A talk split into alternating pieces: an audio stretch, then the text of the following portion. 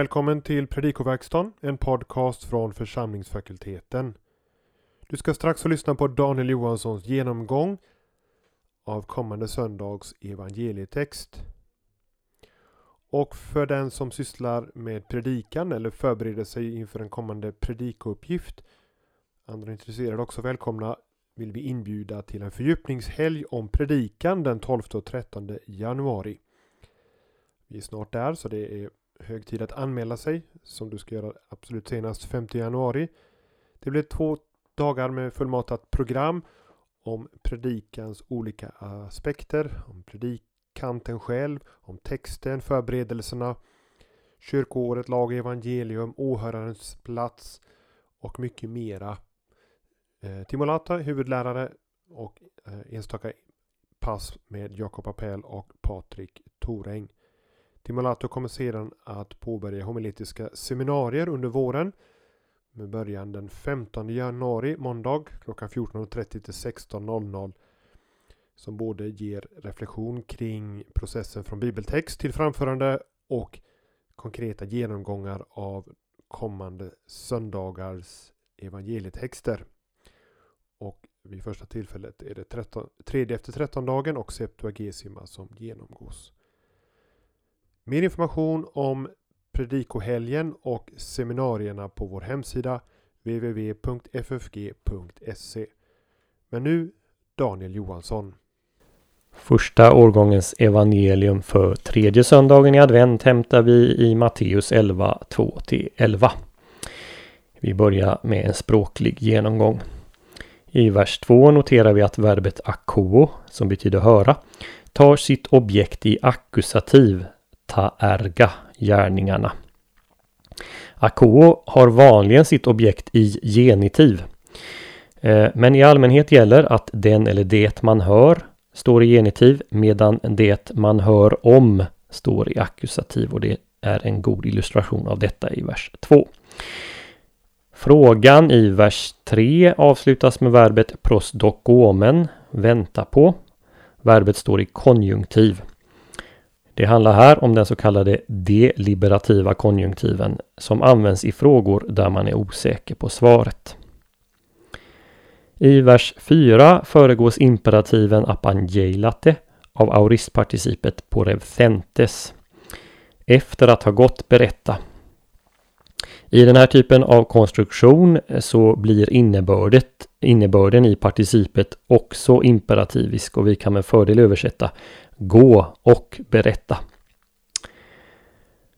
Eh, lägg sedan märke till den lek med ord som förekommer i Jesu uppmaning till Johannes lärjungar. Han uppmanar ju dem att se och höra. Akoete kai bleppete. Och vad ska de se och höra? Jo, att blinda ser och döva hör. I vers 5 förekommer verbet evangelizo, förkunna evangelium, och det är första och enda gången i Matteus evangeliet. Det här verbet saknas helt hos Markus medan det förekommer flitigt eh, hos Lukas 10 gånger i evangeliet och 15 gånger i apostlagärningarna. Däremot är det så med substantivet evangelion att det förekommer fyra gånger hos Matteus och hela åtta gånger hos Markus. Men inte alls i Lukas evangeliet och bara två gånger i apostlagärningarna. Vi går till vers 6. Hos ean med skandaliste. Ean ersätter här partikeln an och ska därför inte översättas. Det står alltså inte om någon tar anstöt kommer på fall utan den som inte tar anstöt eller kommer på fall. Eh, vi har också här uttrycket en emoj. Det har kausal funktion och behöver översättas för min skull. Vers 7 inleds med satsförkortningen genitivus absolutus. Toton de porevomenon erxatoho Jesus. Efter det att de gått började Jesus. Lägg sedan i verserna 7-9 märke till hur frekventa verb är som har med att se att göra. Theastai, idein, ido och idein igen. Infinitiverna i de här verserna är finala. Vad gick ni ut för att se? I vers 9 är peris, eh, peris otteron profeto en så kallad jämförelsens genitiv. Peris otteron är komparativ av perisos vars grundbetydelse är överträffande det vanliga antalet eller den vanliga storleken. Vad Jesus säger är alltså inte att Johannes är den största profeten eller något sånt utan att han är mer än en profet. Han, han överträffar en profet. Han tillhör en annan kategori. Till sist i vers 11 noterar vi att prepositionen en följt av genetois i pluralis har betydelsen bland. Bland de födda av kvinnor har ingen stått upp som är större än Johannes döparen. Adjektiven här, meitson respektive mikrotteros, är komparativ. Men meitson eh, måste ha eh, komparativ betydelse på svenska medan mikrotteros måste ha superlativisk betydelse. Den här saken är ju lite flytande, gränsen mellan komparativ och superlativ eller rättare sagt i sin betydelse i koine-grekiskan. Den här senare konstruktionen med mikroteros den är dessutom substantiverad och betyder alltså den minste. Och det eller den man jämför med det står i genitiv. Söndagens evangelium följer direkt på Jesu långa utsändningstal i Matteus 10. Efter vårt avsnitt fortsätter sedan Jesus med att förklara vem Johannes döparen är. Det avsnittet är texten för andra årgången på tredje söndagen i advent. Vår text handlar om Jesu identitet och Johannes döparens identitet. Vilka är de egentligen? Det visar sig att svaret man ger på den enas identitet också ger ett svar på den andras identitet. Det här avsnittet i Matteus är det närmaste vi kommer kapitel 1 i Lukas evangelium eh, i Lukas evangeliet som ur ett annat perspektiv tar upp samma frågeställning. Vi kan göra följande indelning av texten. Först inledning med Johannes fråga om Jesus är den som skulle komma i verserna 2 till 3. Och sen för det andra har vi Jesus svar med en skriftanspelning i verserna 4 till 6. Och för det tredje har vi Jesu fråga om Johannes döparens identitet, eh, verserna 7 till 9a. Och till sist har vi Jesu svar med en skrifthänvisning 9a till 11. Bibelläsare och utläggare har sedan fornkyrkans tid brottats med frågan om Johannes döparen hade kommit i tvivelsmål eller om han sände bud till Jesus för sina egna lärjungars skull. Med undantag av Tertullianis Tertullianus eh, svarade fornkyrkans lärare att Johannes döparen omöjligt kan ha kommit i tvivel. Och så har nog majoriteten utlagt saken ända fram till vår tid. Den norske teologen Carl Fredrik Wisslöv följer till exempel den linjen i andakten för andra december i boken Bröd för dagen.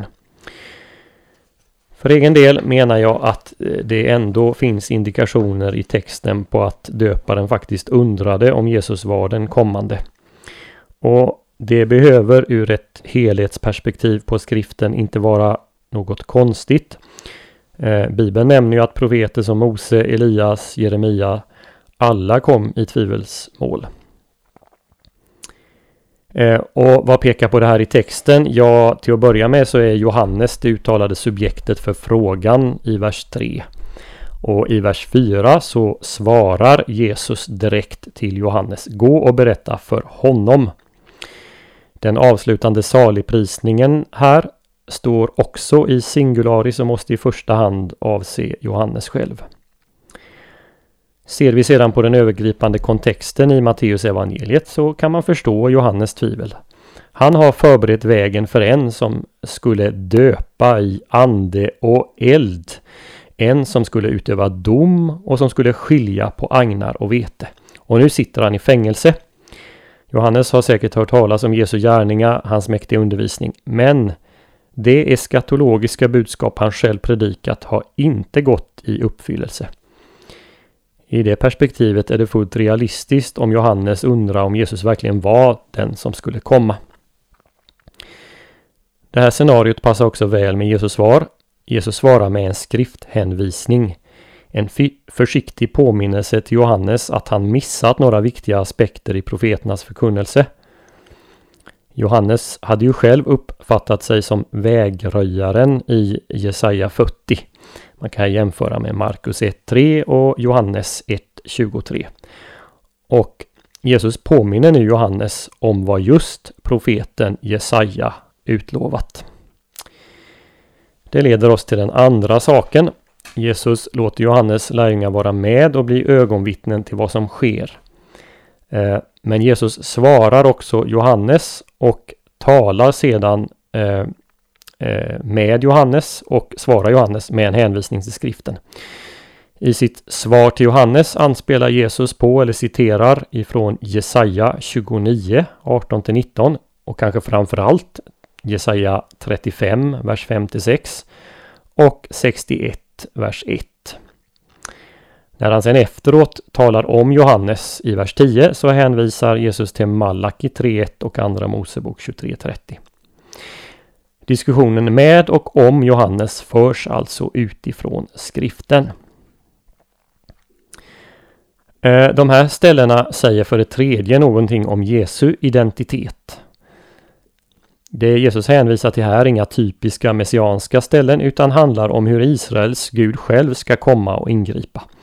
I Malaki 3 förbereds vägen för JHVHs, Herrens, kommande till sitt tempel. I Jesaja 35 eh, utlovar Herren att han själv ska komma till sitt folk. Det säger något om vem Jesus är och ger en förklaring på innehållet, innebörden i att Jesus är Immanuel, Gud med oss i Matteus 1.23 eller att han delar Guds namn i Matteus 28.19. Den kommande, som ju eh, Johannes döparen frågar om, det är en titel som återkommer i Matteus i 3.11, 11, 3, 21, 9 och 23.39. Och den titeln är inte nödvändigtvis en messiansk titel. I Gamla Testamentet är det främst en titel som används om Gud själv och hans frälsning. Till exempel i Jesaja 19 och inte minst i Jesaja 35, 4 eh, med fler ställen. Jag har listat dem i pdfen till den här podden. Så vad Jesus påminner Johannes om är löftet i Jesaja 35 att Gud själv ska komma för att blinda ska få sin syn, döva höra och så vidare. Löftena om att han skulle komma på Herrens dag till dom, de ligger ännu i framtiden eh, och adresseras av Jesus på andra ställen i Matteus evangeliet, till exempel kapitel 24 och 25. Här kan vi för övrigt inom parentes notera att adventstemat ligger just i titeln Den kommande. Men det finns en domsaspekt också i budskapet till Johannes i det som är den första saligprisningen i Matteus evangeliet sedan inledningen på bergspredikan. Matteus 5, 3-11. Salig den som inte kommer på fall för min skull. Notera att det står i singularis medan saligprisningarna i bergspredikan står i pluralis.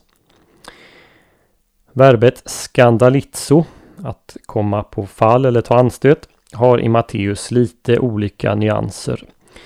I kapitel 17, vers 27 är väl innebörden att inte stöta sig. Det är inte en så kraftfull nyans. Men i till exempel 5, 29-30 och 13, 21 och 13, 57 är innebörden avfall, apostasi.